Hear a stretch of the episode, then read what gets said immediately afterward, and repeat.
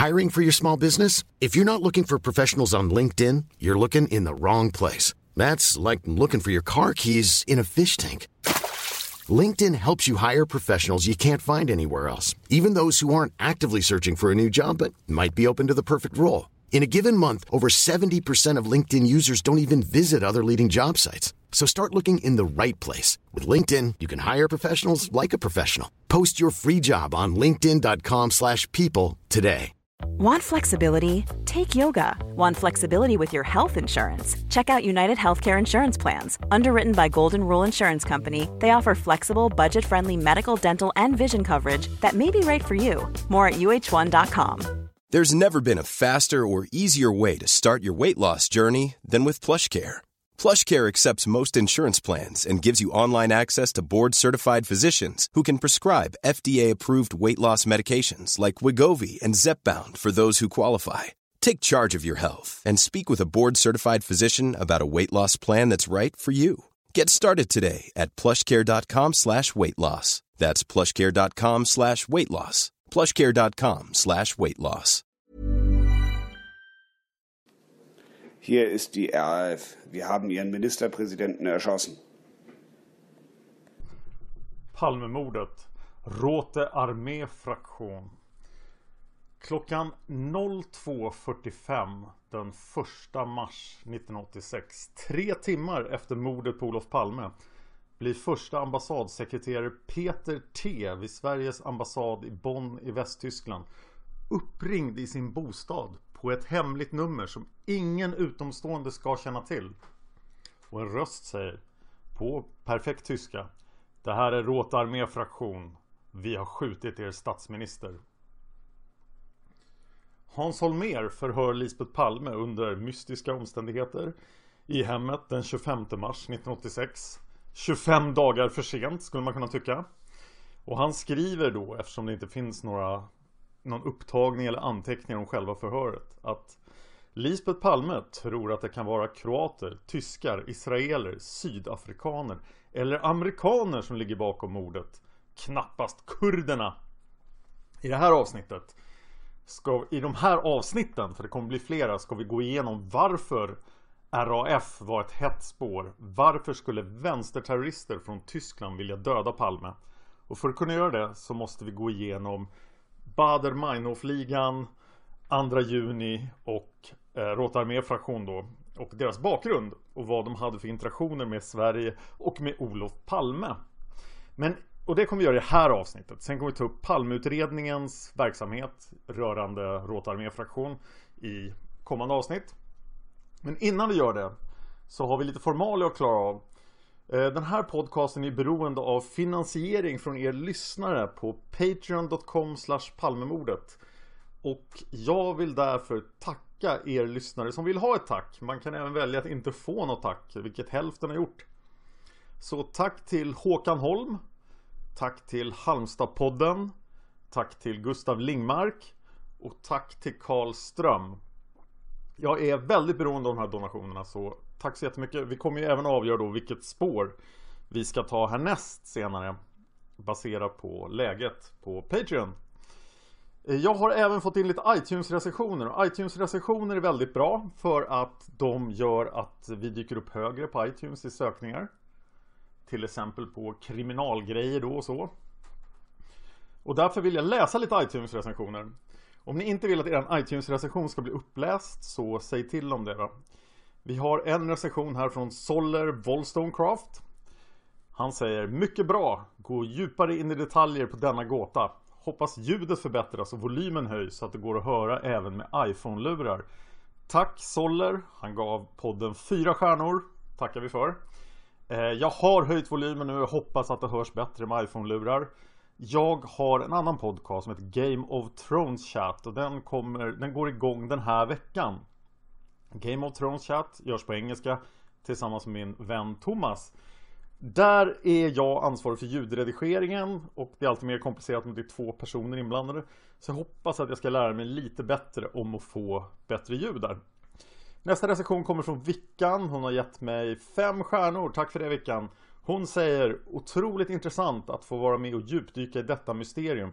Kommer vi någonsin att få reda på vem som mördar Olof Palme? Den här podden gör mysteriet något mindre mysterielikt. Och faktum är att jag i veckan för första gången tror att vi kommer att få reda på vem som mördade Olof Palme. Men det kommer jag tillbaka till i ett väldigt mycket senare avsnitt då, eller beroende på hur det går på Patreon. Nästa recension kom från Mackan81. Han ger podden fem stjärnor. Tack för det Mackan81. Bästa och intressantaste podden just nu. Även om man kanske var, måste vara rätt insnöad för att riktigt uppskatta podden. Donera på Patreon så att det kommer en massa avsnitt. Ja, gör det. Nästa recension är fem stjärnor från Heike-Lisa. Tack Heike-Lisa. Intressant, detaljrik, informativ och spännande. Och den sista jag vill ta upp idag kom från TB666 som säger, ger oss fyra stjärnor och säger du vill höra vad du kan förbättra och det vill jag ju. Du kan sluta med att lägga in tolkningar på hur personer som blir förhörda lät och liksom inte trycka på varje ord. Annars gör du ett kanonjobb. Eh, tack för det TB666 och ja, jag tror jag kommer att fortsätta tolka, jag är ledsen. Över till Bader-Meinhof-ligan. Alltså Bader-Meinhof-ligan och Eh, Rota armé-fraktion är samma sak medan andra junirörelsen är någonting annat och det ska vi återkomma till då. Under 60-talet rådde det missnöje bland studenter och vänsterradikala i hela världen. Men eh, då så var situationen även i Västtyskland. Och eh, det var en demonstration i Västberlin den 2 juni 1967 där en student vid namn Benno Ånesorg blev skjuten till döds. Och, av polisen. Och det här ledde då till en massa reaktioner. Bland annat var det två ungdomar som hette Gudrun Enslin och Andreas Bader som eh, ville gå ett steg längre. De började begå, det här, det här kommer förstås bli en enorm förenkling av den här väldigt komplicerade historien. Så om jag missar någonting så är det förmodligen för att jag har försökt förenkla det och jag ber om ursäkt om ni ville höra någonting som jag inte kommer ta upp då.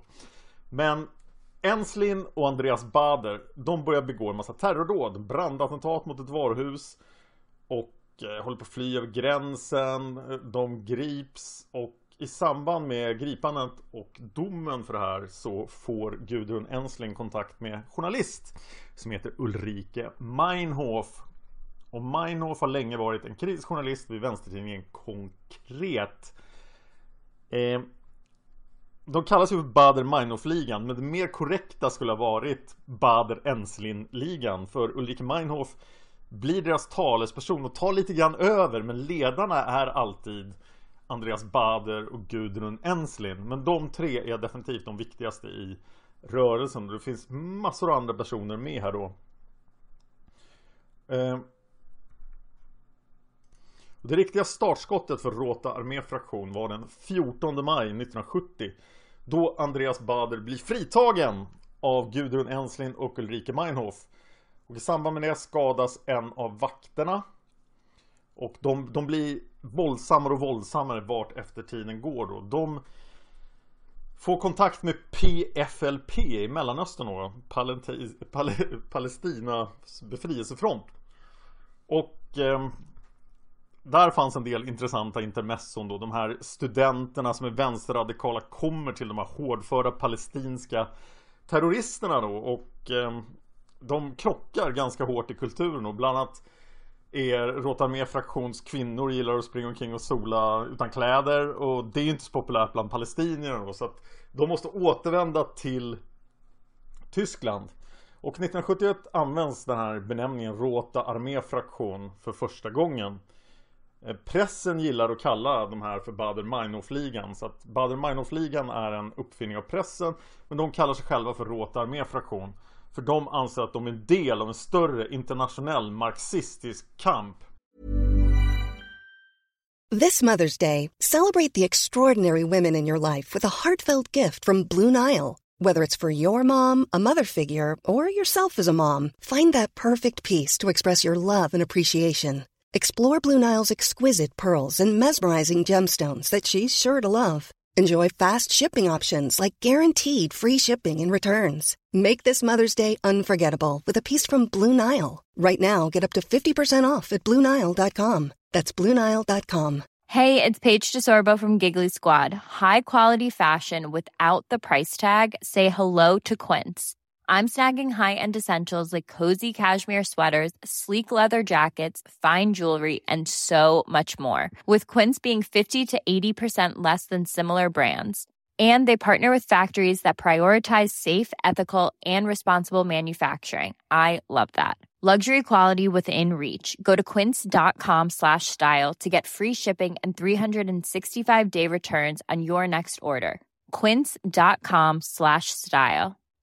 If you're looking for plump lips that last, you need to know about Juvederm lip fillers. With Juvederm Volbella XC and Juvederm Ultra XC, your lip look, whether it's subtle or bold, can last up to one full year with optimal treatment and no additional maintenance. Find a licensed specialist and see if it's right for you at juvederm.com today. That's J U V E D E R M.com. Add fullness to lips in adults over 21 with Juvederm Volbella XC or Juvederm Ultra XC. Do not use if you have severe allergies or a history of severe allergic reactions, or if you're allergic to lidocaine or the proteins used in Juvederm. Tell your doctor if you have a history of scarring or taking medicines that decrease the body's immune response or that can prolong bleeding. Common side effects include injection site redness, swelling, pain, tenderness, firmness, lumps, bumps, bruising, discoloration, or itching. As with all fillers, there's a rare risk of unintentional injection into a blood vessel, which can cause vision abnormalities, blindness, stroke, temporary scabs, or scarring. For full important safety information, visit juvederm.com.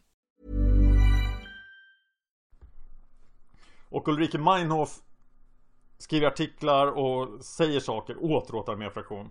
Och ett av hennes berömda citat från den här tiden då är Kastar man en sten så är det en straffbar handling. Om tusen stenar kastas då är det en politisk aktion. Sätter man eld på en bil är det ett brott. Men om hundra bilar brinner då är det en politisk aktion. Här dyker även termen stadsgerilla upp då. Och det här är alltså medan vanliga grillor, befrielsefronter i tredje världen bekämpar imperialismen utifrån så skulle stadsgerillan bekämpa den inifrån i de västerländska städerna. Och i maj 72 genomför RAF ett antal attentat och terrordåd. Och jag, jag är chockad när jag läser om 70-talet faktiskt, hur mycket terrordåd som fanns. Jag, har en liten plan ett avsnitt bara om hur mycket terror det var liksom innan Palmemordet. I juni 1972 grips eh, alla tre ledarna plus ett antal andra personer och första generationens RAF är besegrade. Det är alltså Ulrika Meinhof, Andreas Bader, Gudrun Ensslin och två viktiga personer som heter Holger Mainz och Jan Karl Raspe och någon till. Eh, och där slutar egentligen historien om den ursprungliga Bader-Meinhof-ligan. Och det är i alla fall deras aktiva terrordåd. För att de förs till ett specialbyggt fängelse. De har alltså, den här kampen mot det västtyska samhället har lett till enorma konsekvenser i samhället. Och det här är verkligen jätteuppmärksammat. och Så byggs ett specialfängelse som heter Stammheim i Stuttgart. Där de fängslas. Och nu tror de västtyska myndigheterna att det här är över, men det är långt ifrån över. För redan i början av 72, innan det här, har Andra junirörelsen startat. Andra junirörelsen delar åsikter med Rota armé-fraktion. Men de är lite snällare, de är lite roligare också. De gör rent nästan komiska aktioner också som inte innehåller våld. Och, och allmänt kan man säga att andra junirörelsen helt enkelt är lite snällare än vad Rota armé-fraktion är. Men här ser man också en unik sak med Rota armé-fraktion. En väldigt speciell egenskap att den bara uppstår. Bland vänsterradikala ungdomar så, så tycker andra nu att nu måste vi ta upp kampen istället. Och den andra generationen av Rota armé-fraktion kommer att handla väldigt mycket om att befria den första generationen från Stammheim-fängelset. Och det är speciellt en incident i Steinheim-fängelset som leder till det här hos den andra generationen. Och det är Holger Mainz. Alla fångarna, den första generationen av Råtarmé-fraktion, bedriver hungerstrejker och protesterar ständigt mot isolationen och de tortyrliknande formerna som de hålls fängslade i. Och de verkar inte ha helt fel. Det här är ett väldigt inhumant fängelse. Holger Mainz var extra duktig på att hungerstrejka. Så fredagen den 9 november 1974 väger Holger Mainz 39 kilo. Han är 183 centimeter lång. Och han svälter ihjäl sig. Han har skrivit ett brev då strax innan han dör. Där det står Antingen svin eller människa. Antingen överleva till varje pris eller kamp till döds. Antingen problem eller lösning. Däremellan intet. Seger eller död. Så heter det överallt. Och det är gerillans språk. I kamp mot svinen som människan för människans frigörelse, revolutionär, i kampen, i kärlek till livet och med förakt för döden. Det är för mig att tjäna folket. Råte arméfraktion. Och det här gör att den andra generationen fullkomligt exploderar. Alltså folk blir så upprörda över att Holger Mainz dör i fängelset. Så att det, det ett otal människor tar steget att bli Rotarmé fraktionterrorist och det är inte så himla svårt. Det har publicerats massor om eh, vad man ska göra för att vara en duktig Rotarmé fraktion. Så det är bara att sätta igång. Man behöver inte något godkännande, när man är ingen chef. Och det bildas då kommandon. De här kommandona tar namnet från någon viktig person som har dött i kampen. Och speciellt då kommer Sverige att ha att göra med Kommando Holger Mainz. Kommando Holger Mainz ockuperar den västtyska ambassaden i, i Stockholm 1975. Och det här är ju en historia som är väldigt lång. Jag kommer att förenkla den fruktansvärt här. Men det här involverar då direkt Olof Palme som är statsminister i Sverige.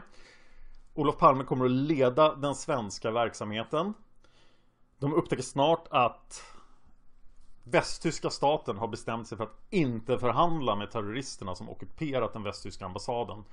Och kommando Holger Mainz lovar att avrätta alla i gisslan. De har då ambassadpersonal som gisslan.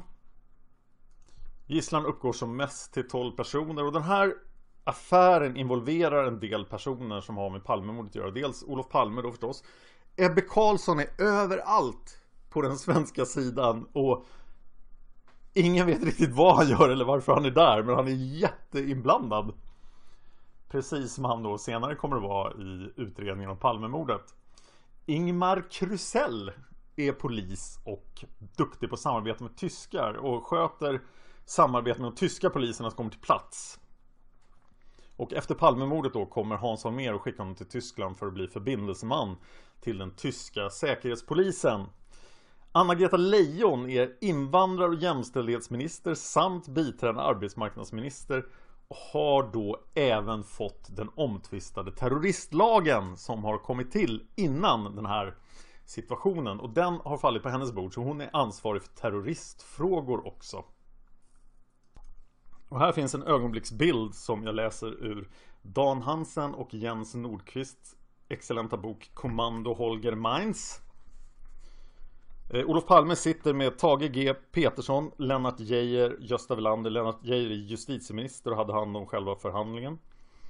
Och två tjänstemän i sitt rum. Eh, när då de diskuterar den här otroligt komplicerade situationen. Karl Persson uttrycker sin irritation på att Ebbe Carlsson ringer hela tiden.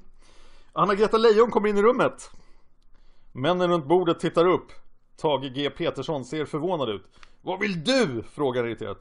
Eh, ja, jag har faktiskt ansvar för terroristfrågorna, påpekade Anna-Greta Leijon lätt förnärmad. Och sätter sig ner vid bordet.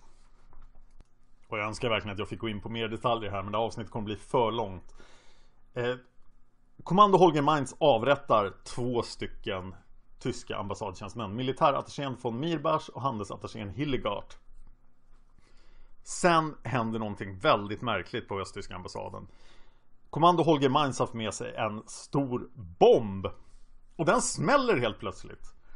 Och en av eh, medlemmarna i Kommando Holger Mainz, Wessel, står med en handgranat i handen precis bredvid bomben och handgranaten exploderar av bombens explosion och spränger ihjäl Wessel En annan av ockupanterna, Siegfried Hausner, blir också fruktansvärt skadad. Men polisen kan då ta kommandot över situationen och dramat upplöses då med tre, snart fyra dödsoffer. Jag läser från Hansen och Nordqvist boken. Eh, Det kvarstod en viktig fråga. Vad skulle Sverige göra med de fem överlevande terroristerna? Olof Palme såg framför sig hur terroristerna skulle få tillbringa 20-25 år med svensk, i svenska fängelser. Och han, han visste nu, slutar jag citera Han visste ju att den andra generationen av RAF hade varit helt besatt av att försöka frita I, i kraven som kommando Holger Mein ställde var fritagandet av Andreas Bader, Ulrike Meinhof, Gudrun Enslin och 23 andra RAF-medlemmar Så att skulle de sitta i svenska fängelser då Jag fortsätter citera eh, med alla risker för fritagningsförsök det skulle innebära. Då vore det bättre att snabbast möjligt returnera terroristerna till Västtyskland. Problemet var att det inte fanns något lagrum till stöd för att skicka ut dem. Och då var man tvungen att tolka terrorist, eh, terroristlagen hur man ville lite grann. Men det gick. Och till slut kunde terroristerna skickas till Västtyskland allihop. Regeringen gav Anna-Greta Leijon i uppdrag att använda terroristlagen för att Sverige skulle kunna göra sig av med problemet. När sammanträdet var slut kallade Olof Palme till sig Anna-Greta Leijon och sa till henne Du inser väl vad det här beslutet kan betyda för oss två personligen? Anna-Greta Leijon förstod att en utvisning av terroristerna skulle kunna leda till att deras personliga säkerhet hotades. Någon kunde få för sig att hämnas. Men hon tyckte att tanken på RAF-medlemmar i svenska fängelser var så skrämmande att det var en risk hon var villig att ta. Så alla terroristerna skeppas ut. Siegfried Hausner är svårt brännskadad. En av de bästa brännskadeklinikerna i världen finns på Karolinska sjukhuset men han behandlas alltså inte där och en vecka senare är Siegfried Hausner död. Och RAF anklagar Anna-Greta Leijon och Olof Palme för att vara ansvarig för det här då. men skulden hamnar mest på Anna-Greta Leijon. Olof Palme säger efteråt att ockupationen har fått en framgångsrik upplösning och att det var en seger för demokratin. Och han är väldigt noggrann med att inte kritisera Västtyskland för att den västtyska regeringen vägrade förhandla med terroristerna.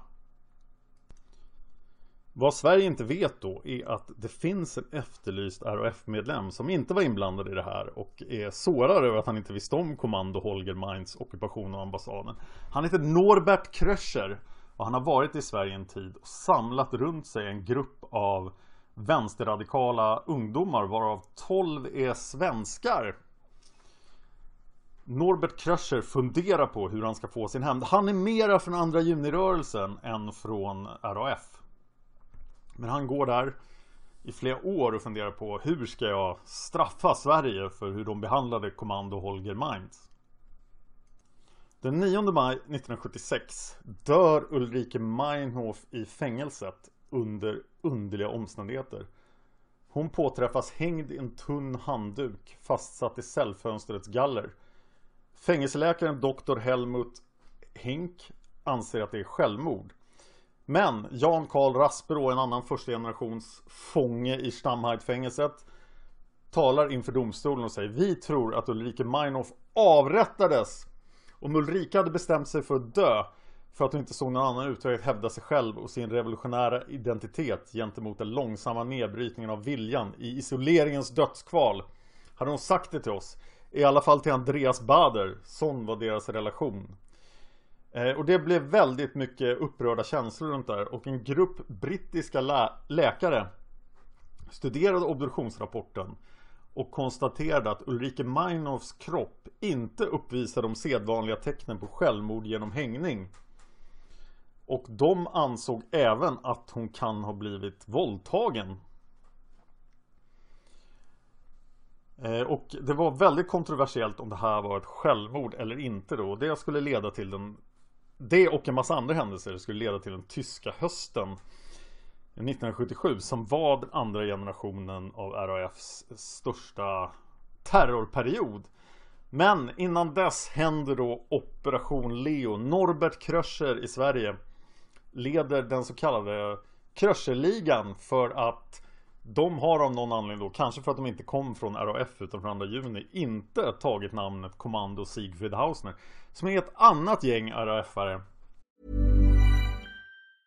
A lot can happen in the next three years. Like a chatbot may be your new best friend. But what won't change? Needing health insurance. United Healthcare Tri Term Medical Plans are available for these changing times. Underwritten by Golden Rule Insurance Company, they offer budget friendly, flexible coverage for people who are in between jobs or missed open enrollment. The plans last nearly three years in some states, with access to a nationwide network of doctors and hospitals. So, for whatever tomorrow brings, United Healthcare Tri Term Medical Plans may be for you. Learn more at uh1.com. Planning for your next trip?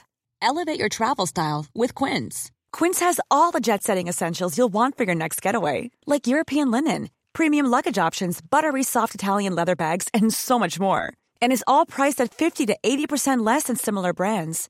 Plus, Quince only works with factories that use safe and ethical manufacturing practices. Pack your bags with high-quality essentials you'll be wearing for vacations to come with Quince. Go to quince.com/pack for free shipping and 365-day returns. Planning for your next trip? Elevate your travel style with Quince. Quince has all the jet-setting essentials you'll want for your next getaway, like European linen, premium luggage options, buttery soft Italian leather bags, and so much more. And is all priced at 50 to 80% less than similar brands. Plus, Quince only works with factories that use safe and ethical manufacturing practices. Pack your bags with high-quality essentials you'll be wearing for vacations to come with Quince. Go to quince.com/pack for free shipping and 365-day returns. Kröcher planerar att kidnappa Anna-Greta Leijon, utpressa den svenska och den västtyska staten, befria Andreas Bader, Gudrun Enslin och så vidare och massa andra folk och allting ska bli jättebra, de ska få jättemycket pengar. Det är ett gäng amatörer. De försöker spränga en bomb på Drottninggatan. En jätteotäck bomb. Skulle ha blivit en, en fruktansvärd terrorhandling då. Men det, de lyckas inte. Eh, de lyckas däremot råna massa banker från och till. Men Säpo är de på spåren och avlyssnar dem. Och lyckas gripa alla inblandade. Däribland då 12 svenskar. Den 31 mars 1977 är allting över och Anna-Greta Leijon är säker. Sen kommer då den tyska hösten 1977. Eh, det händer massor av saker, jag ska inte gå in på dem här för då kommer podcasten bli jättelång. Men det leder fram då till händelserna den 17-18 oktober 1977 i Stamheidfängelset. Jag läser från Hansén och Nordqvist boken Exakt vad som hände i Stammheim natten mellan 17 och 18 oktober 1977 kommer sannolikt aldrig kunna fastslås med absolut säkerhet. Klockan 23 delades medicinerna ut på åttonde våningen och både Jan Karl Raspe och Andreas Bader tog sina tabletter som vanligt. Sedan Landshut kapats, det var ett av terrordåden, hade RAF-fångarna inte klätt av sig på natten och det gjorde de inte heller denna natt. Strax efter halv ett hade budskapet om att alla gisslan klarat sig att aktionen i Mogadishu var över, det vill säga fångarna skulle inte bli fria, hade nått det tyska folket via radio. Raspe kunde med hjälp av en liten radio, som antingen var insmugglad eller hemmagjord, höra segerrapporterna och spred sedan nyheten vidare till sina medfångar på åttonde våningen. Klockan 7.42 på morgonen hittades tre av fångarna döda i sina respektive celler. Bader var skjuten i nacken, Raspe i tinningen, Gudrun Enslin hängde livlös i en snara av hoptvinade sladdar. I en annan cell låg Irmgard Möller svårt skadad efter fyra knivhugg mot bröstkorgen, men vid liv.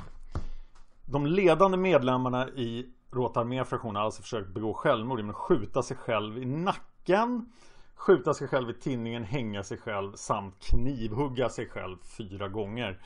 Låter lite konstigt skulle jag vilja säga. Så man, en vanlig teori då är att Västtyskland faktiskt avrättade de här fångarna. Och det här leder förstås till en motreaktion. Och eh, fram till 82 kommer det begås ännu fler terrordåd och mord av den andra generationen av Rotarmé-fraktion. Ledaren för andra generationen var Christian Klar. Han grips av västtysk polis i november 1982.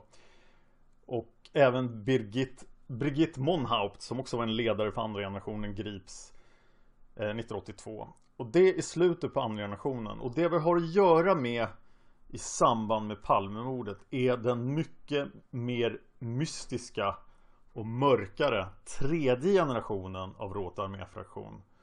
Och kopplingarna är väldigt små då eftersom det här bara uppstår. Och den tredje generationen kommer att begå en massa attentat. Lite i samma stil men det är fler mord, många fler mord. Och de riktar mycket attentat mot rustningsindustrin och mot finansvärlden. Och även mot socialdemokratin. Under 1984 till 1987, det vill säga vid tiden för Palmemordet, så begår tredje generationen av Råta arméfraktion 25 mord. Det framkom senare att den östtyska säkerhetspolisen Stasi aktivt stödde den tredje generationen av Råta arméfraktion ekonomiskt och logistiskt och gav folk nya identiteter och möjligheten att gömma sig i DDR. Efter 1987 klingar verksamheten ut. 1993 utför man det sista stora attentatet mot Weihstatterfängelset i Darmstadt. 1998 lägger Rota arméfraktion ner verksamheten. Någon okänd person skriver en kommuniké där det står För nästan 28 år sedan, den 14 maj 1970, föddes Rota arméfraktion ur en befrielsehandling, alltså fritagandet av Andreas Bader. Idag avslutar vi detta projekt. Statsgerillan i form av Rota arméfraktion är nu historia. Vi, det vill säga alla vi som i slutet var organiserade i Rota arméfraktion, tar detta steg tillsammans. Från och med nu är vi, som alla andra ur denna organisation, före detta aktivister i RAF. Vi står för vår historia. RAF var det revolutionära försöket av en minoritet människor att göra motstånd mot utvecklingen i det här samhället och bidra till att omvandla de kapitalistiska förhållandena. Vi är glada över att ha varit del av detta försök. Utfallet av detta projekt visar att vi inte kunde komma vidare på detta sätt. Men vi talar inte mot det nödvändiga och berättigade i att göra uppror. Råta arméfraktion var vårt beslut att ställa oss på samma sida som alla de människor som kämpar mot förtryck och för befrielse över hela världen. Och där upphör all verksamhet. Så historien varar då från Åne Benesorgs död 1967 fram till 1998. Men det intressanta i det här fallet är ju då mordvågen 84 till 87. Vi kommer att ta en titt på en av, ett av dessa mord i detalj. Mordet på den tyske socialdemokratiske politikern Karsten Rohwedder. Och se om det finns paralleller till mordet på Olof Palme. Det här är slutet på första avsnittet om Råta arméfraktion. Jag har inte fattat beslut än vad som blir nästa spår. Så att ni kan fortfarande påverka det på patreon.com palmemordet. Det står mellan Chile eh, Gärningsmannaprofilen och GMP-objekt Det är ett gäng personer som identifierades i Stockholm och Ustasha och i framtiden då om Patreon blir tillräckligt framgångsrik så kommer vi att komma till saker som 33-åringen, PKK, Christer Pettersson och det alla vill höra, Polisspåret. Tack för att ni lyssnar!